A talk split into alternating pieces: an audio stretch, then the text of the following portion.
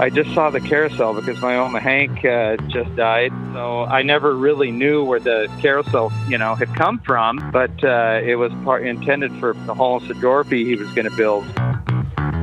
Mysteries in Vlaanderen. Ik ben Dennis van den Buis, mysteriejager. En dit mysterie begint in de jaren 60 in het plezantste land in de stille Kempen. Het land van deze man. De jodelende fluiter gaat op weg door bos en hij maakt een praatje met de koeien in de wei. Bobbejaan Schoepen, de jodelende fluiter, beslist in de jaren 60 een carousel van een kermisman over te kopen. Een carousel waar de familie Schoepen en zoon Jacques Schoepen voorop veel vragen over hebben. Ja, voor mij toch iets dat altijd bijgebleven is, is de originele carousel die mijn pa kocht ergens in de jaren 60. En die goed twintig jaar later ook wel verdween. En dat is een stukje van ons jeugd. En ja, daar had ik toch wel graag van geweten waar is die naartoe. Of toch zeker de onderdelen, hè, de wisselstukken of wat dan ook. Omdat dat toen, ik herinner me nog heel goed dat mijn pa zei dat hij al 100 jaar oud was. Dus uh, volledig hout. Ik dacht zelfs dat hij nog met stoom ging in helemaal het begin, dat die aangepast is geweest. En ja, en dat maakt het toch wel boeiend, want daar maken ze natuurlijk niet zoveel van. En dat is ook niet dat je dat op elk hoek van de straat ziet. Hè. Ja.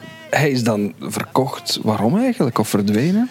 Dat heeft te maken met restauratie. Uh, in de jaren tachtig had mijn pa geen tijd, waarschijnlijk ook niet de kennis om uh, attracties zoals een origineel carousel echt tot in de detail te restaureren.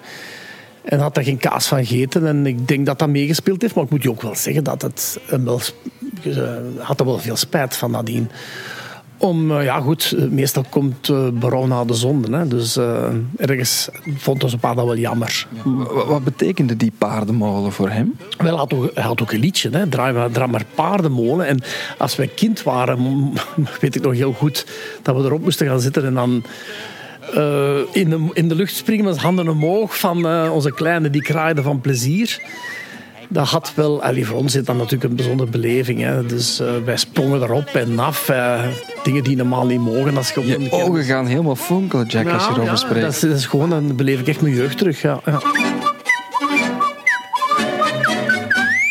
Waar is dit prachtige, authentieke houten stuk naartoe? Misschien weet kermiskenner Michel Follet meer. Hij is bezeten van alles wat draait, muziek maakt en te maken heeft met de voor. Ja, ik heb, ik heb het in een uh, tijdschrift gezet hè, van een van de kermisbonden in, in België, maar ik ik verwachtte geen reactie en dat is ook helaas niet gebeurd, omdat hier, het spijt me om dat te moeten zeggen, hier in België worden kermisattracties weinig of niet beschermd. Als het land uit zijn, zijn ze het land uit. Ik heb al trieste verhalen gehoord van Amerikanen die dat opkopen en dan herschilderen of gewoon helemaal demonteren en dan een carouselpaard in hun gang zetten. Dat heb ik ook al bij andere mensen gezien. Maar ja, dat kan je bij antiquairs kopen. Ik vraag mij soms af hoe ze eraan geraken. Als jij het moet inschatten, wat zou er gebeurd kunnen zijn met zo'n carousel?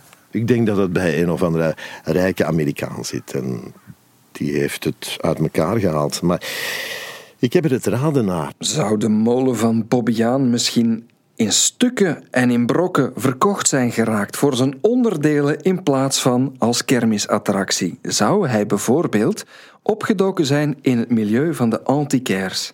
Ik vroeg het aan Frank van Laar, die je misschien kan kennen van stukken van mensen. De flamboyante Antwerpse antiquaire heeft zo zijn gedacht daarover. Wel, ik ben in 1985 eh, begonnen en dat is een periode waarin dat die stukken werkelijk eh, zeer gegeerd waren.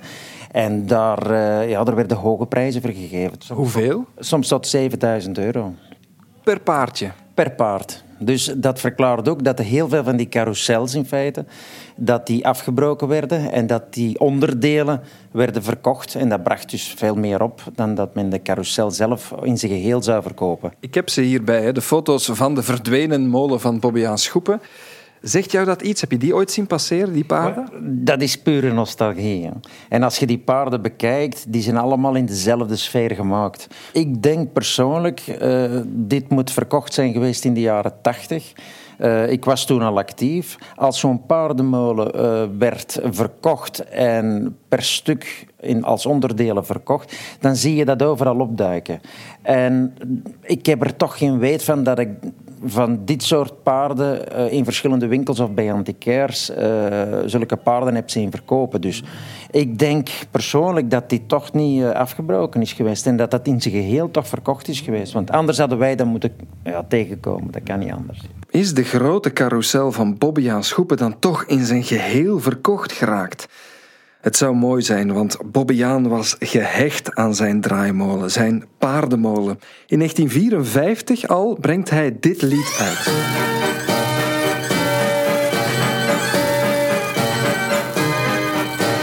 Draai maar, draai maar, paardenmolen, strooi het geluk de wereld rond. De paardenmolen, een lied waar Bobbejaan een band mee had. Een lied dat in zijn hart zat. Misschien was het wel zijn favoriet uit zijn hele repertoire. Wie zal het zeggen? Luc van Meeuwen, Limburgse zanger, die vandaag nog altijd actief is, die stond tien jaar lang in de Bobbejaanland Show. En dit herinnert Luc zich over Bobbejaan en dat lied De Paardenmolen. Ja, dat zat wel heel diep in zijn hart, denk ik. Want uh, uh, ik heb tien jaar daar gezongen dus in het theater met hem. Maar hij heeft dan, uh, van die tien jaar dat ik er stond, heeft hij acht jaar meegedaan zelf nog. En hij deed ieder jaar dan opnieuw een medley van, van bekende liedjes van hem. Café zonder bier, uh, Duivenkot en noem maar op. Maar iedere keer, of ieder jaar opnieuw, kwam die carous, uh, draai, uh, draai maar paardenmolen, zo noemde dat liedje. En dat, dat ging over die carousel. En dan tot ergernis van, van mevrouw Schoepen, die kwam dan de, het theater ingestormd van pop, pop, dat liedje moet eruit. Dat doe je al ieder jaar. Ik ben het beu, ik ben het zat. En, en, ja, en dan zei hij van, nee, we gaan dat erin laten. Dat gaat er niet uit. Dus hij heeft ieder jaar opnieuw dat, liedje gezongen. Maar, maar dat had ook wel, uh, toch wel een effect. Want uh, als hij dat liedje zong, op een zeker moment kwam daar zo een instrumentaal stuk in, dat hij niet zong. En dan uh, werden de lichten zo nog wat meer gedoofd en begonnen de, zo zilveren bollen te draaien in de zaal. Daar werd zo, werden zo wat, wat lichten opgezet en dat gaf een heel speciaal effect in de zaal. Het leek of dat, dat, dat je eigenlijk in een, carousel zat, want dat draaide allemaal rond. En de fonteinen begonnen dan ook nog water uh, omhoog te, te blazen. En ja, het was wel mooi. En hij vond dat echt geweldig, want hij sloot daar meestal mee af met die paardenmolen.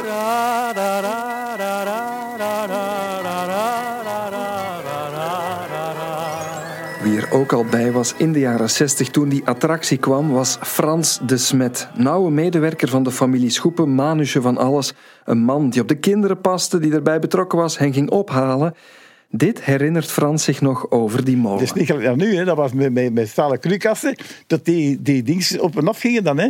De constructie zelf van de molen, dat was gebaseerd op een stuurmachine.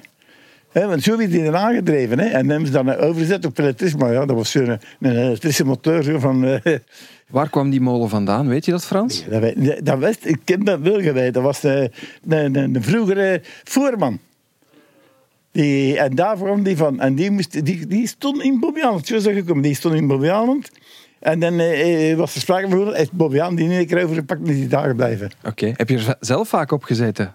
Uh, ja, toch wel. ik, ik heb er zelfs mijn, mijn, mijn, mijn vrouw leren kennen. Op die molen? Op die, nee, dat was ook... De, ik moest, mijn, de kinderen van Bobbejaanland had gedaan op school. En die was uh, kinderverzorgster. De kinderverzorgster van de kinderen van Bobbejaanland, dat is jouw vrouw geworden? Ja, ja dat was zo, ja. ja. Dat is een liefdesmolen eigenlijk voor jou geweest, Frans. Ja, ja, ja, ja, ja, ja, ja, echt. Ja, maar ja, het is niet zo lang mogen duren. Ze is ook al 22 jaar, eh, 20 jaar dood, sorry. Dus uh, dat zie je toch er al aan dagen. Maar ja, daar gaat het nou niet over. Hè? We spreken onze bronnen aan. Richard en Alex Meder uit Turnhout zijn actief in het wereldje van de spiegeltenten. Ze staan ermee voor Caesars Palace in Las Vegas tot in Rome bij huwelijken van de jetset. Het Kempische exportproduct, de spiegeltent, is nauw verwant aan de carousels en de draaiorgels. Richard Meder wil helpen. Uh, in mijn ogen zit hij in het buitenland. Uh, exact, daar kan ik achteraan gaan. Ik zal informatie proberen te vragen waar die molen zou zijn gebleven. Wat de mogelijkheden zijn: Amerika, Australië, uh, Zwitserland of Frankrijk. En wij kennen persoonlijk diverse grote mensen die die oude kermisattracties destijds hebben opgekocht. Musée Arteforêt, dat is een locatie midden in Bercy in Parijs. Dat is een persoonlijke vriend van mijn broer. En dat, eh, die man heet eh, Jean-Paul Vavant.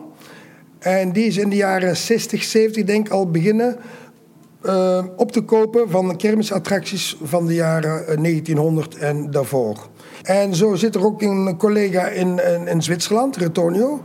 Die heeft in de jaren 60, die 70 jaren ook heel veel kermisattracties opgekocht. En zo zijn er meerdere personen. Dus, uh, Wil je eens nagaan voor ons bij al die mensen in het wereldje of het een belletje doet rinkelen bij hen? Ik ga mijn best doen om uh, onze connecties contact mee te nemen. En waar de mooie carousel van Bombiaan is gebleven. En ik laat jou hopelijk kortelings een goed antwoord geven waar dit die zou verblijven. En dan gaan Dennis en ik samen een bezoek, ofwel is dat in Australië of Amerika, op kosten van Radio 2. En dan komt er plots een tip. Omdat we op Radio 2 heel de week bezig zijn over het verhaal van de carousel van Bobbiaan Schoepen, krijgt Jack Schoepen, de zoon bij wie het allemaal begon, ook tips. Ik, ik heb inderdaad heel veel reacties gekregen van natuurlijk het, de eigen kring, de eigen kennissenkring. En er is iemand die naar de kermis van Turnhout is gegaan. En daar staat dan blijkbaar ook een oude carousel. En die familie wist te vertellen dat onze carousel destijds opgekocht is door een zeker familie Eikelboom uit Nederland. We hebben een naam. De Nederlandse kermisfamilie Eikelboom. Ik ga op zoek, ik bel rond, de ene Ekkelboom naar de andere, maar iedereen zegt hetzelfde. Degene die daar alles van weet is Karel Ekkelboom en die is overleden.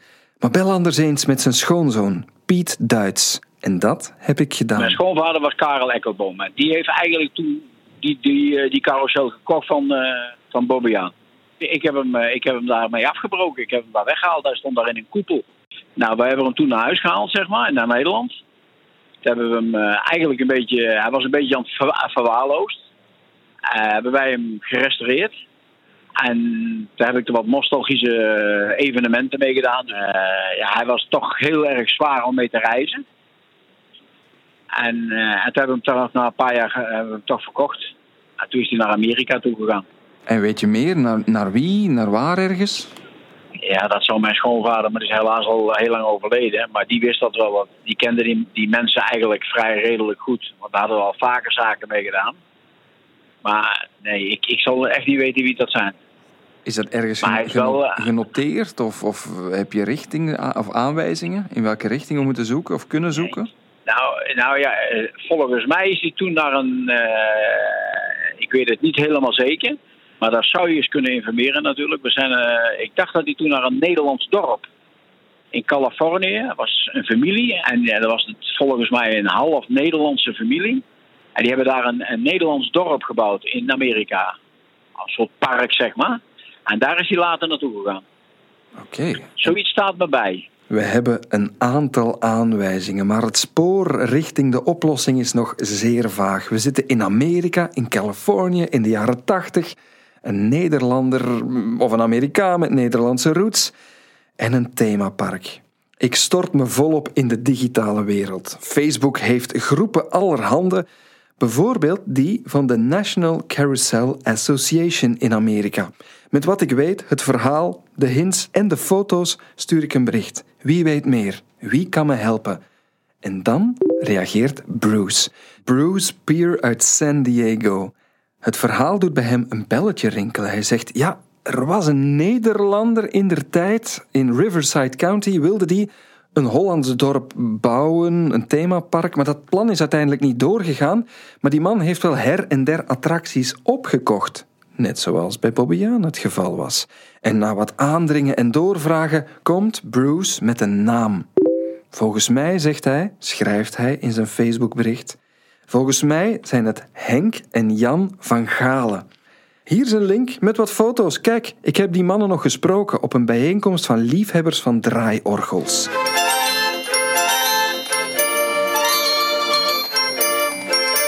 Maar er is één probleem.